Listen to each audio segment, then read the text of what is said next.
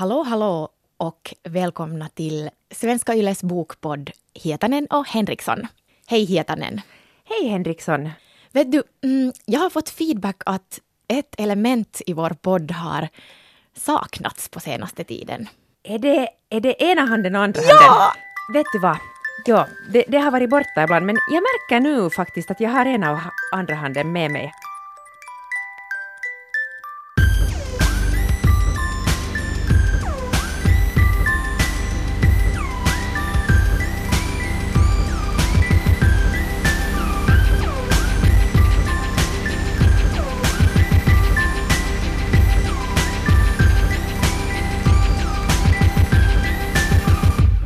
Vi har två böcker vi ska prata om idag. Och jag upplever att det är lite som att man i ena handen har en hamster som tittar på en söt djurvideo samtidigt som hamstern äter popcorn och fnittrar till av lycka. Det är ena handen och i andra handen så har man babam, livet och döden och hela det postindustriella samhället från Gambia till Kentish Town i London, dock inte Asien. Ljuvligt! Vilken vill du börja med? Jag tänkte att vi skulle ta det här, faktiskt den här hela, hela livet, livet och döden. Jag tror att det kommer att ta lite längre tid än den här hamstern. Men, men då blir det en sån här hålls kvar på kanalen så får ni en, en söt hamster på slutet. Ja, och det är inte vilken hamster som helst, den är, den, är, den är fin. Men nu har vi då en gul stor tegelsten i handen. Och jag har lite följt dig och stalkat dig på Instagram och annan social media. Och jag tror att du har tyckt väldigt mycket om den här boken. Ja! Sadie Smiths Swing Time. Jag har redan utnämnt årets bästa bok, den här Candelarias hus, men nu börjar jag lite vackla. Den här kanske till och med kämpar om den där riktigt första platsen i år. Ja, jag förstår det mycket väl. Det här är samma kvinna som skrev Vita tänder och jag tycker att det här kanske är hennes femte roman och den handlar om två tjejer som bor i norra London och eh, de tycker båda om att dansa jättemycket. Det, det, och huvudrollspersonen, så hon har ingen namn, men hennes kompis heter Tracy. Och de är ganska fattiga och de bor på ett jättesjaskigt ställe. Och de har båda en vit, mam- nej, en vit förälder och en svart förälder. Just det, så de är ändå båda bruna De till är- hyn.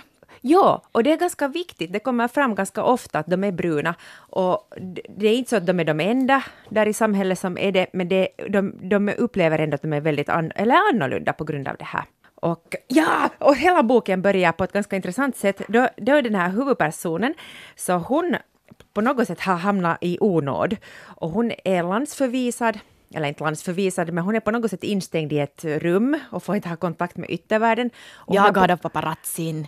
Ja, och det är ganska sådär intressant att vad har hänt? Och det vet vi inte, det får vi reda på först riktigt i slutet av romanen. Intressant prolog faktiskt, det, det gör att man blir ganska sugen på den här historien. Ja, man blir nog genast fångad. Mm, men det är mycket de här svarta kropparna, svart musik, liksom olika stammar, olika kulturer. Hur ska man börja? Vad ska man börja nysta? Ja, för det finns så mycket. Alltså här är allt, kanske ett ord som skulle beskriva den här boken är makt. Jag tycker att den granskar makt eller maktförhållanden. Klass, kön, hudfärg, etnicitet. Ja, den, och den gör det ur väldigt många olika perspektiv. Och den har, kommer inte... Den har inga svar heller, utan den visar ganska tydligt till och med på vissa ställen hur maktlös man kan vara, eller de andra kan vara. Det, det är hemskt starkt sån här berättelse på något sätt. Den här huvudpersonen var väldigt svår för mig. Mm. Jag, jag får inte riktigt någon sån här kärlek och känsla för henne, för att jag kommer aldrig riktigt underfund med vad hennes egen drivkraft är. Att det vad hon gör är att hon går runt och observerar och tittar. Hon tittar och tittar och hon ser hemskt mycket. Men jag vet inte vad hon själv gör. Och tyvärr så känner jag lite igen mig själv också i, i den där figuren. Ja, alltså hon har då den här, den här Tracy, barndomskompisen, som är en mycket bättre dansare än hon själv. Och, och deras på något sätt vänskap och rivalitet finns hela tiden där. Sen har hon en jättestark mamma som är en aktivist och människorättskämpe och vill utbilda folket där i, i liksom hemtrakterna och, och vill liksom så mycket, vill, vill göra klasskamp och revolution. Och, så hon har liksom på något sätt det här förhållande till mamman där hon hela tiden känner att hon blir lite på andra plats eftersom mamman är så mycket mer intresserad av den här politiska kampen. Och sen finns ännu, och det kan man väl säga utan att spoila någonting, att hon, när hon växer upp och blir vuxen så blir hon en eh, personlig assistent för en, till, till en jättekänd popstjärna, Amy, som tar upp hela hennes liv egentligen. Att hennes liv går ut på att hjälpa Amy på olika sätt. Och Amy har sen en massa egna tankar och idéer och ett inom citationstecken välgörenhetsprojekt i Västafrika, Gambia, tolkar jag det som. Det, det är Gambia. Nu är det ju Gambia. Ja, det är Gambia. Fast det aldrig skrivs rakt ut. Det skrivs aldrig ut, men, att, men det kommer så mycket städer och saker runt. Gambia går ju som en tarm där inne, inne ja. i Senegal. Och sen allt vad de refererar till runt omkring så det, det måste vara Ja, eller hur. Ja. Um, och då blir hon den här huvudpersonen lite som en Amys liksom, högra hand som får, får sköta det där projektet där. Och halva boken utspelar sig också där i Gambia. Och den är, har mycket påminner, påminner väldigt mycket om Madonna och Madonnas eh, adoptionsprojekt och så kallad inom citationstecken biståndsarbete i det där andra landet. Det som är så spännande, det här Amys hela års, eh, det var hon omsätter under året i pengar, är mera än vad hela det här landets bruttonational eh, BNP är. Mm. Vilket gör det väldigt perverst. Nå jo, men alltså de här tre kvinnorna som du räknade upp, så den här hu huvudfiguren, så hon är i skuggan av alla de här tre. Det är helt sant. Men, men tyckte du liksom att det var, att hon blev för mesig på något sätt eller för...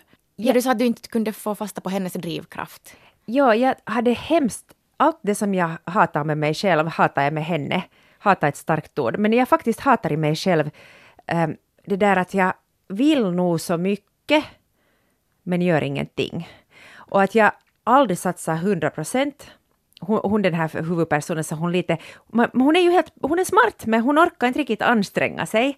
Kanske för att hon vill skydda sig själv. Och hon orkar inte riktigt göra och utveckla sig och bli bättre självstå på scen. Och då är hon inne i den här, jag tror att hon är rädd, och då är hon inne i den här trygga positionen där hon kan bara sitta och titta och döma.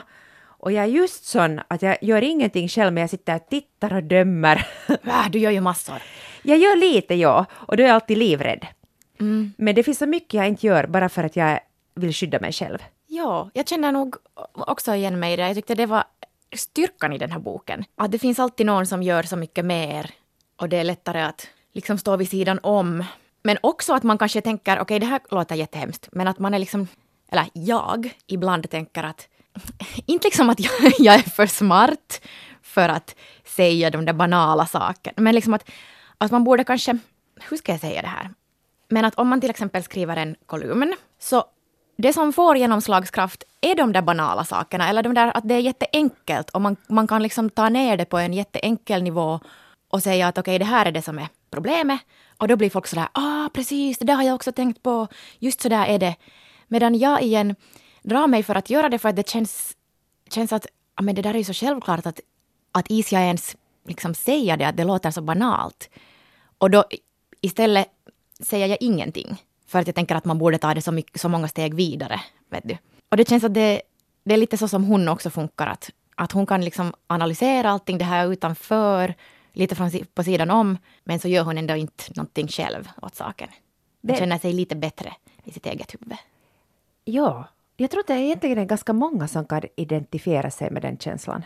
Tror inte du det också? Mm. För att i viss mån är vi ju alltid, alltså, eller alla människor är vid något tillfälle har den positionen att den inte gör, men den vet och kan nog och skulle kunna göra.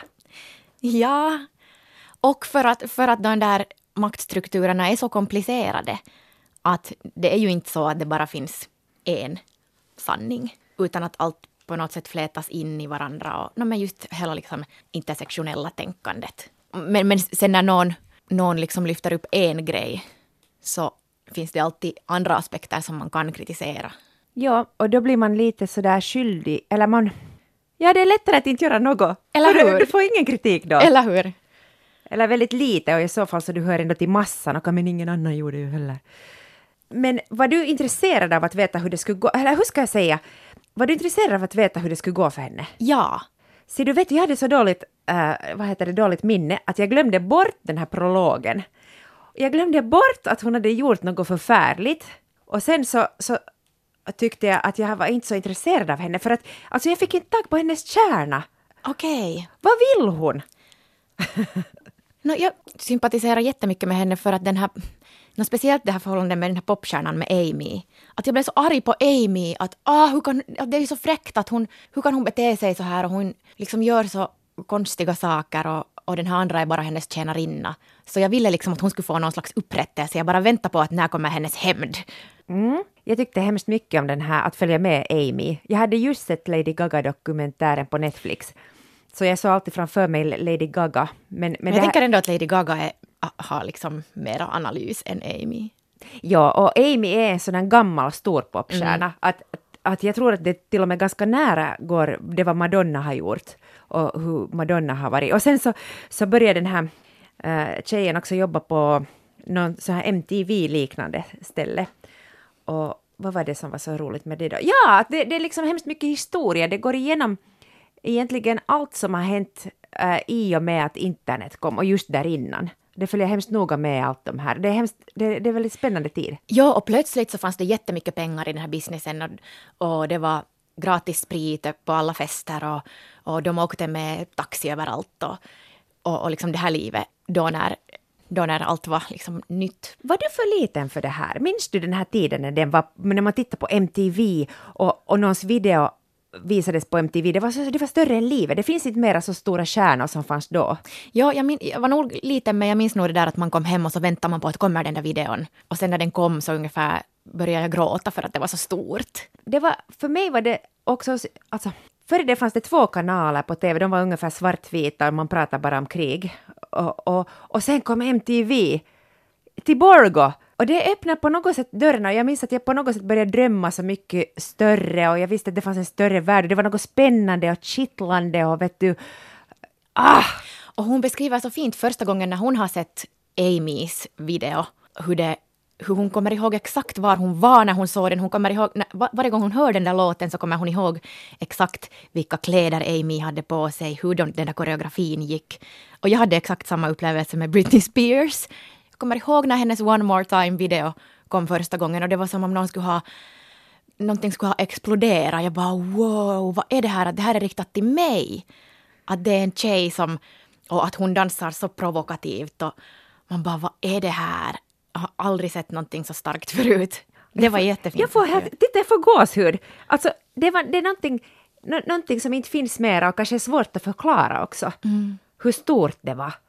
Uh, och det här skildrar hon nog jättefint, på något sätt inifrån, att man vet att hon har varit där på riktigt själv, känns det som. Jag studerade i London 97 och då bodde jag i, där ungefär var de här tjejerna bor, riktigt i norra London. Så det var helt supersjaskigt. Och det fanns sådana hyr, vet du, folk som levde på socialbidrag som bodde i sådana här sjaskiga, sjaskiga hyreskaserner. Och, jag bodde också, fast det var, jag vet inte om vårt var exakt lika, jo vårt var nog lika, men det var för studerande, det var ju så kort tid. Men jag minns att det var ganska så där brutalt och äckligt. Sen när man gick lite till följande ställe så fanns det Camden, det här var Kentish Town och så fanns det Camden och där var MTV, hade sitt huvudkontor. Och jag minns att det nästan bara surrade runt omkring för det var så spännande. Okej, 97 så var det inte lika hett mera som tidigare, men att det surrade av spänning där. Och man visste att här har stora stjärnor gått. Kände du igen dig i de här miljöbeskrivningarna där i. Ja, för att jag minns att jag tittade på dem ut från mitt fönster så fanns det en sån där jag har bara sett sånt i tv-serier förut när man vill visa riktigt fattiga knarkfamiljer.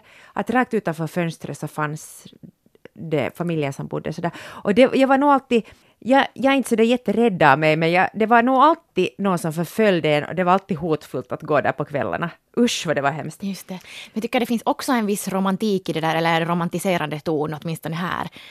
Uh, speciellt hur hon beskriver den här Tracys mamma som är det där som man inte får nu romantisera white trash, men det är exakt det vad det är. Det är ganska också, den här mamman är då vit och, och white trash som man inte ska säga, men alltså riktigt i det värsta bemärkelse så är hon... Och ja. bästa. Och bästa, men hur ska vi prata om det här nu? För det är jätte, ja. Men hon är då vit, outbildad, dum i huvudet, förfärlig. Och sen har vi då den här andra mamman som är svart Och hon är så sofistikerad, bildad, härlig, fin. Eh, och de på något sätt ställs också lite emot varandra. Och sen så hur de här döttrarna lever. Kär, vet du vad som är så härligt med den här boken? Att det går inte så som det ska gå i historier. Att man ska säga att ja, för det, det gick det bra, för det gick det dåligt. Utan det går på många olika sätt för många olika människor och det tycker jag är ganska skönt. Sant. Men sen är det också lite så här, som man säger på finska, rautalangasta väännettyä, att okej, okay, här ser man på riktigt jättetydligt. Och hon skri- som du sa också, att hon, hon skriver nog ut också jättemycket värderingar. Och okej, okay, att här ser man att den här vita behöver inte kämpa, den här svarta måste kämpa jättemycket. Jo, det står, de... på, jo, det står på många ställen. Mamma säger att du måste jobba hundra gånger mer än alla andra. Mm. Alla säger det i boken. Och sen också den här äh, det koloniala arvet och hela den här grejen som händer där i Gambia. Det är ganska förfärligt den där Gambia-avsnitten där. Där är mycket som är helt... Jag har varit i Gambia och jag har sett dem där, äh, alltså jag har varit helt på en sån här solsemester där. Och där var på riktigt jättemycket, mm, no det är ett helt annat avsnitt för sig, men, men de här sexturisterna, alltså kvinn, vita äldre kvinnor som kommer dit och har sina svarta boytoys. Och ja, vissa kanske det är på riktigt, riktigt kärlek, men en stor del så är nog liksom ett, en kolonial maktstruktur som visar sig på ett jätte... Liksom, det är så uppenbart. Förlåt nu. Ja, men det, kan det, man säga så här? Jo, man kan säga det. Och jag minns att någon när jag var yngre så tänkte att men det är helt rätt att nu kvinnorna också får fa, vet du, det är prostitution. Mm. Att nu är det helt rättvist men, men nej, vet ni, det är nog bara vidrigt. Alltså att få dit och ta en ung sextoy. Alltså okej, okay, båda får nytta av det, men det är nog så jäkligt fel. Att jag, vad, vad, vad kände du när du såg det där? Obehag. Nej, men ja, som du säger, det är samma sak som att, att det att man känner att man har rätten att betala för en annan människas kropp, så där går ju nog, inte vet jag, det är svårt att förstå det. No, en annan fråga är det att, att till exempel att, låt säga Madonna, vi pratar nu om Madonna, inte om Amy, men att hon far då till, hon var kanske till Malawi, vilket land var hon till? Var det Malawi? I don't know. Så hon adopterar ju också massor med barn och det, så det utåt sett, utan att nu vara insatt i den här processen, så såg det ut som att hon kanske hade bara bet, eller betalat enorma summa pengar till en familj och, och fått deras barn. Och det här är förstås fel. Men så tänker man i proportion med... med varför, allt... varför är det fel? För att det är människa, man kan, man, man kan inte köpa en människa. Mm. Man kan inte köpa en människa. Men sen, nu, nu minns jag inte vilket, vilket land det är som Madonna har opererat, men så tar vi då att att i många av de här länd närliggande länderna så finns det barnsoldater. Barnets liv är inte värt någonting. Och det, alltså att den här Madonna hade köpt ett barn kan göra att ett, ett helt, en hel by kan överleva och, och att kanske hundratals flickor inte behöver prostituera sig. Och, och vet du, hundra andra bra saker. Men ändå är det så fucking fel. Ah, det där är så intressanta moraliska frågor, liksom överlag no, adoption, att är det okej, okay, det finns så många problematiska aspekter av det, eller internationell adoption. Ja. Å ena sidan och andra sidan. Å ena sidan och andra sidan. Nu blev det nog så krångligt. Mm, kanske vi inte ska dra oss ner allt för djupt i det här träsket för att... Nej. No, inte vet jag. Och all, alla situationer är olika. Men det, var, det är hemskt liksom... Men det som blir klart, eh, eller liksom tydligt, är ju att vissa människor äh, är mer värda än andra i den värld vi lever i. Så är det. Alltså helt krasst.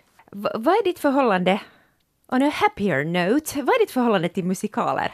Mitt förhållande till musikaler, we go way back, alltså när jag var liten, ung, tonåring, så jobbade jag jättemycket, dansade och sjöng och var med i musikaler. Och var helt säker på att det här är min bana i livet, jag ska bli musikalartist. Och när jag gick i gymnasiet så åkte jag varje kväll till Helsingfors och spelade föreställningar. Och det var ljuvligt. Det var så ljuvligt. Jag älskade det. Har du också tittat på alla de här musikalerna ja. som... Ah, du känner till alla storyn och allt? Ja, ja, jag var helt musikalfantast. Både liksom att själv vara med och att titta och lyssna. Uh, sen växte jag upp och nu kanske jag tycker att det är lite banalt, men det är kanske också en, inte vet jag, klassfråga. Mm. Mm. I don't know. Men, men jag fick nog jättemycket sådär nostalgi och och de, eller liksom, ja, hela den där musikalvärlden. Här går man ju verkligen in i den, och, och både genom filmer och sen också i, i olika uppsättningar. Och... Ja, och det där dansande, liksom, hur, det, är en så, det är ju inte bara ett jobb, utan det är ju, det, det är ju du själv eftersom det är din kropp och hur, hur du vad, vad som händer där när man är på scenen, vad som händer i de där koreografierna, vad de symboliserar. Åh, oh, det är så ljuvligt! Ha, du, hur, hur tyckte du att Uh, nu känns det så hemskt för att jag ser din kärlek, jag ser din stora kärlek och, och så ser, är det, känner mig som att jag gör något verkligt fullt när jag berättar hur det är för mig. Nej, du får dissa det! Men ska vi säga som så, och det här, det här är ju... Alltså jag har ju inte nu för tiden mera en så stor kärlek till... Varför har du på dig steppskor? ja. uh, jag, jag är en person då som lyssnar på Slayer och grindcore och är då inte, har inte taktsinne och inte rytmsinne och inte musikkänsla på det sättet. Och jag har sett flera musikaler, jag har till och med sett på Broadway när jag var liten och i London och så vidare bortåt. Men för mig är musikaler någonting som gör att, att jag på något sätt jag vill sprätta bort mina ögon och jag vill riva loss mina öron och jag vill bränna upp mina lemmar och, och köra över min egen torso med en bil. Alltså, det är något så provocerande för mig att att jag, jag blir aggressiv. Om jag skulle måste se på en musikal nu så skulle jag, jag skulle inte göra det. Alltså, jag skulle implodera. Jag blir helt, jag blir helt ifrån mig. Och jag tror att det har något att göra med det där fucking livsglädjen. Livsglädje och vet du så... Vet, jo, jo, allt är så förenklat och... Ja, och, och det är så vackert och folk är glada och jag blir så arg! Jag, jag, jag, ah, jag blir... Och mitt i allt brister de ut i sång. ja, alltså, oj, det är det värsta. Och filmer där de sjunger, det, det går inte! Det går inte! Jag blir så ledsen och arg och deprimerad av sån här visad glädje. Och sen är det tvärtom. När någon sjunger om något eh, helt tvärtom så då blir jag glad. Men det, det känns att det där är ju liksom den eh, normala uppfattningen. Eller så som att jag märkte också just att jag började lite sådär, nej, nej, men att inte tycker jag mer om musikal. Liksom att man, det känns inte helt okej okay att digga musikaler. Du har... Du har uh, nej, det, det, inte vet jag varför jag... Inte, inte, det finns ingenting att skämmas för. Du, här går jag ibland omkring och sjunger något Jesus Christ Superstar. Uh, men att, att jag tycker att det där är helt förståeligt, den här din Ja, men var du kommer ifrån. För, för, ja, musikaler är så, det är för, det är för folkligt. Det är för, mm. för underhållning för pöbel. Nej, inte pöbel, men turisterna. I know. Och jag är ju den största kritikern av äh, icke nämnda stora teaterhus och chefer som bara sätter upp musikaler för att äh, tjäna pengar. För det är ju det lätta, det är ju det ja, populistiska. Jo, jo. Så är det. Men, men jag tror att man, det har en större glädje också av boken om du vet vad, vad de här alla filmerna de tittar på, de tittar om och om på dem igen och älskar Fred Astaire och en sak som chockerar mig, eftersom inte jag har sett så mycket av de här steppfilmerna och musikalerna, hur mycket rasism, alltså det som är helt vansinnig mängd rasism det alltid har funnits i dem. Folk har gått runt med blackface sedan dag ett. Jo, jo, och också i nyuppsättningar. Att man helt oanalytiskt fortsätter att låta det där gå förbi helt okommenterat. Ja, det visste jag inte att det är fortfarande. No, inte att jag tycker nog att det är ganska vanligt. Här var en som jag måste... en, en sak jag måste slå upp. Det, det var en, en docka som såg ut som en gollywog. Känner du till gollywog? Mm. Ah, jag Usch, visste inte vad det är. Usch vad äckligt. Alltså, det är ju riktigt en sån här nidbild. Ja, det är som lakupekka. Ja. Och, och jag kände inte till den här, men den är väl ganska nog populär i populärkulturen. Och så, så sent som i våras så stängde någon sån här leksaksmuseum på grund av att, eller de tog bort alla de här dockorna och var så att förlåt att vi haft de här framme så länge, att usch. Så nu, nu börjar man ju städa upp efter sig. Det är på tiden. Sen så fastnade jag för de här maraboerna. Känner du till marabou? Marabou-choklad. Maraboerna Alltså det är så här heliga män som finns i Senegal och, och då, som det verkar här i Gambia. Och de dyker bara upp här som ett sidospår. Jag måste bara berätta. När jag var i Senegal så fick jag höra om de här maraboerna, heliga männen. Och sen att, att det finns pojkar som jobbar för dem, att ge inte pengar åt dem. Och så var det andra som sa att ge pengar åt dem. Och problematiken där är det att det, det finns då alltså sådana här heliga män som tar till sig små pojkar och så får de studera heliga skrifter med de här heliga männen. Och det är jättefint för en familj att få skicka iväg då en pojke till att, att bli bildad man.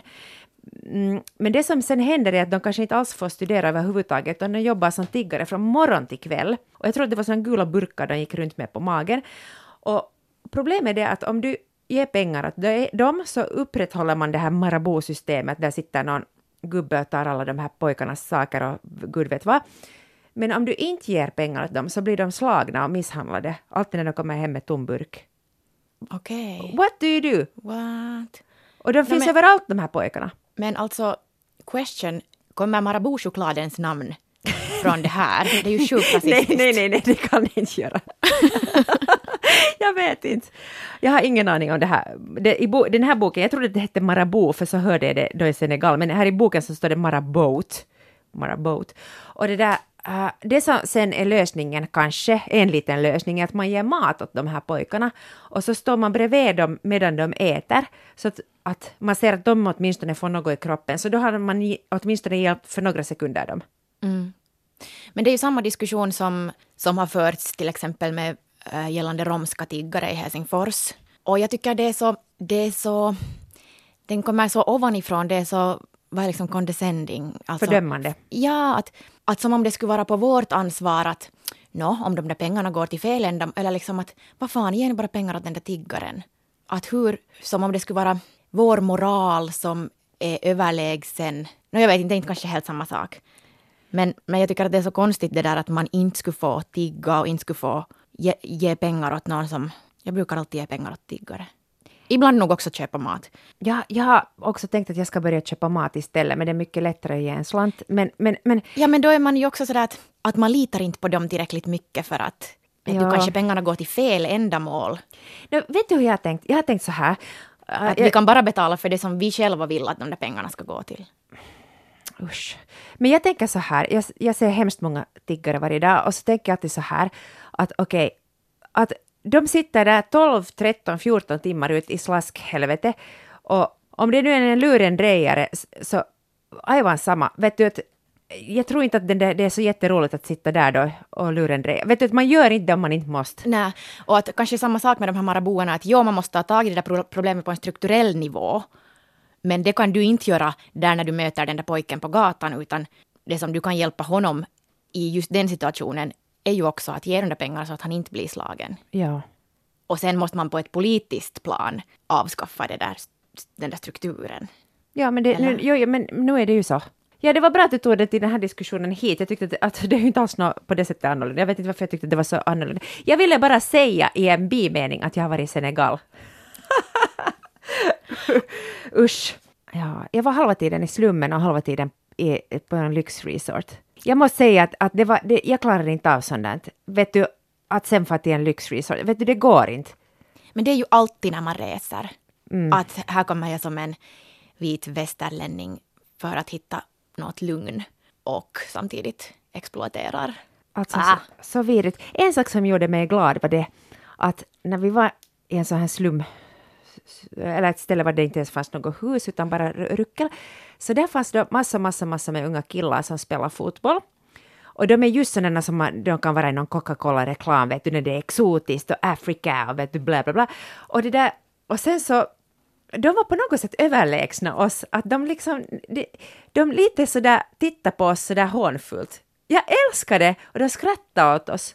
Och, och det där han ville att vi skulle ta bilder av dem och det var ungefär så att de visade fingrar åt oss. Jag tyckte bara att det var helt härligt. Att det var inte så att vi var sådär att hej ställ er där nu och le åt oss och vinka så får ni en mark, utan det var på något sätt att de, vi var sådana riktigt sådana mäntiga människor som gick och stirrade där för oss själva. Alltså vi var löjliga. Och det var, det var helt rätt att vi blev sådär, vet du, lite förlöjligade. Mm, ja. Det kändes bra att de var stolta. De måste ju vara så medvetna om det där också, att det kommer Folk europeer som objektifierar dem. Usch. Sen att man tar den där makten. Mm. Oh, det, det. Mm, men allt det här finns här. I näst, nästa vecka kommer vi att prata om, om Arundhati Roys bok där hon beskriver Indien som också har lite de här samma enorma, enorm, enorm fattigdom och sen som turist så är man ju rik som bara fan. Och jag har också upplevt det så äckligt att jag kan aldrig mer åka dit. Det ska bli intressant att höra. Ja, den yttersta lyckans ministerium heter den. Det är sen nästa vecka. Hej nu, innan vi tar an vår, vår sista, alltså andra bok idag, så vill jag ännu säga det att nästa vecka kommer vi att prata om John Donners eh, filmatisering av Märta Tikkanens Män kan inte våldtas. Och ni kan gärna gå in på arenan och titta på den nu så kan ni vara med om vårt samtal nästa vecka. Men har vi ännu något vi vill säga om Sadie Smiths uh, Springtime? Du var alltså inte helt övertygad. Jag var lättflirtad. Okej, okay, jätteäckligt och klyschigt, men den är lite som en dans. För att du, det här dansen som går som, går som en röd tråd. Så hela den här boken kändes som en dans runt de här olika stora temana. Ja, utan att det skulle vara för... Jag tycker inte att det var för skrivet på näsan att se nu. Nej, fast det var det ibland, men det var inte, inte på ett dåligt sätt. Nej, och sen, sen är den... Det är fint språk, det säger jag jätteofta, men det är ett fint språk, det flyter bra, översättningen är bra. Eh, det här är nog en fin bok. Jag, jag tror att min kärlek är mitt problem med musikaler. Alltså där, där, där ligger mitt problem. Men det här är absolut en bok att, att älska och ge vidare och, och kanske till och med läsa på nytt. Verkligen. Och, och den här om liksom flick, att vara flicka och vänskapen slash rivaliteten mellan kvinnor. Ah, mitt bästa tema. Ja, det är nog starkt. Och på tal om det, så lyssna gärna på vårt förra avsnitt som jag tycker blev jättelyckat. Det, det heter Det är inte vårt fel att de andra är dåliga, tror jag att vi döpte det till. Där pratar vi ju om det här vänin, vin, liksom systerskap, rivalitet och sånt. Ja, den här Blaue Fraus, Johanna Wingrens och Sonja Alfors bok äh, Någon hatar oss igen har nog stannat med mig. Vet du vad, vi pratade ju om den förra veckan, men den har vuxit ännu efter det för min del. Eller hur, jag har helt samma. Jag går och tänker på den varje dag. Men det gör jag också. Det är som en sån där vet du, bomullstuss som suger i sig mer och mer vatten och blir större och större. Mm. På ett bra sätt. Och jag funderar så där när vi skriver med varandra att hmm, vad, vad månne Johanna och Sonja skulle säga om det? Vad vet du? Vet du, jag började till och med titta på mina textmeddelanden med min mamma och så tänkte att det här är ganska roligt. Ja. Låt det bli en bok. Nej, men inspirerande var den. Jag är inte din mamma är vår nästa bok och jag kan ju berätta genast att det här är en, en barnbok för riktigt små människor uh, skriven av Marianne Dubuc. Dubuc, heter hon så? Mm. Och det, ja, vad säger du, för hur, hur många åringar är den här gjord? Kanske, no, helt de minsta, under skolålder. Två, Två. tvååringar framåt. Tvååringar. Jag har nog läst den åt min nollåring också. Vad sa nollåringen? Uh, han tuggar lite på sidorna. Vad tyckte han om teckningarna då? Mm, no, han eller kanske projicerat av mig tyckte att de här teckningarna är ju nu inte världens snyggaste.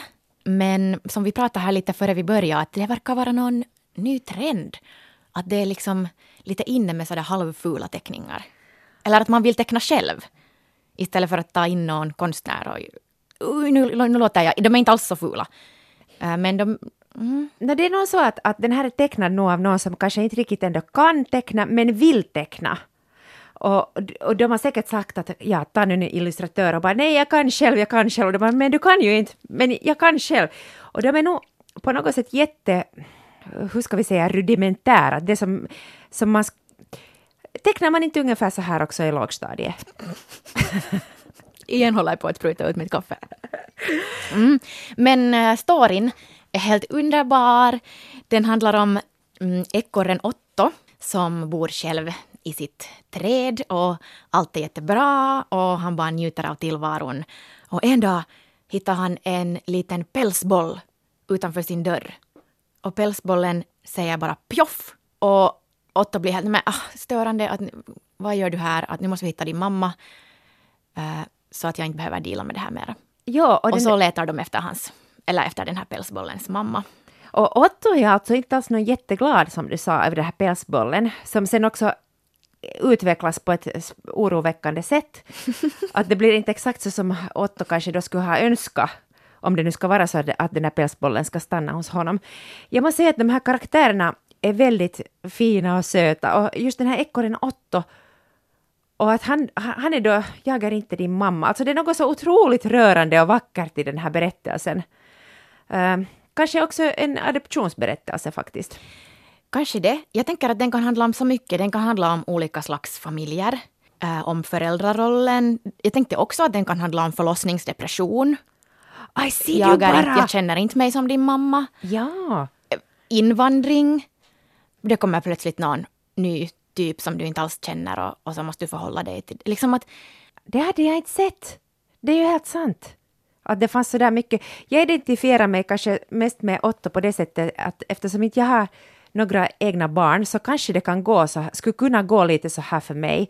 Du, hundar som inte får valpar, så de blir ju ofta skengravida vid något skede och så kan de adoptera en toalettborste. Och så far runt, bara runt med den där toalettborsten. Och jag lite väntar vid något skede att jag börjar bära runt något och säga här på jobbet det är mitt barn. Vet du, jag, jag, jag tror att det kommer att hända någon gång. Och, och då får ni bara hållas. Okej, Okej, Anne, det är jättefint det där. Jag, jag kan just tänka mig att det är något sådär mjukt och runt som jag sen går runt med. och, och det där, så jag kände mig lite som Otto, fast sen är det ju intressant då att Otto liksom har problem i den här rollen också ja, det är ju det det handlar om mycket, Ottos inre kamp, att, att han vill inte kännas vid det här. Nej, men och han jobbar ju det jag öppnade den här boken bara på måfå. Vet du, jag blir så rörd av den här. Alltså jag vet, den är så fin. Jag vet inte om ni känner till den här. Kan du uttala hennes namn på ett snyggt sätt? Varifrån är hon?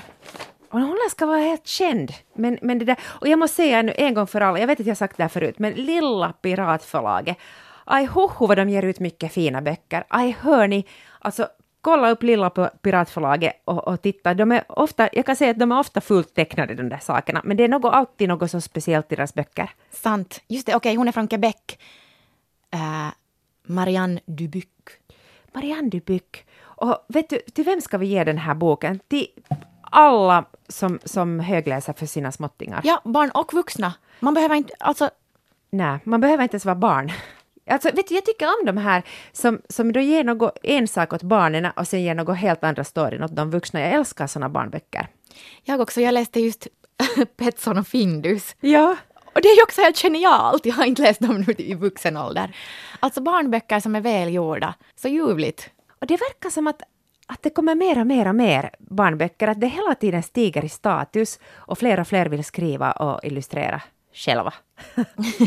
det är jätteroligt. Så om ni inte orkar ta er an den här tegelstenen Swingtime, vilket, ah, nej, ni måste nog göra det ändå.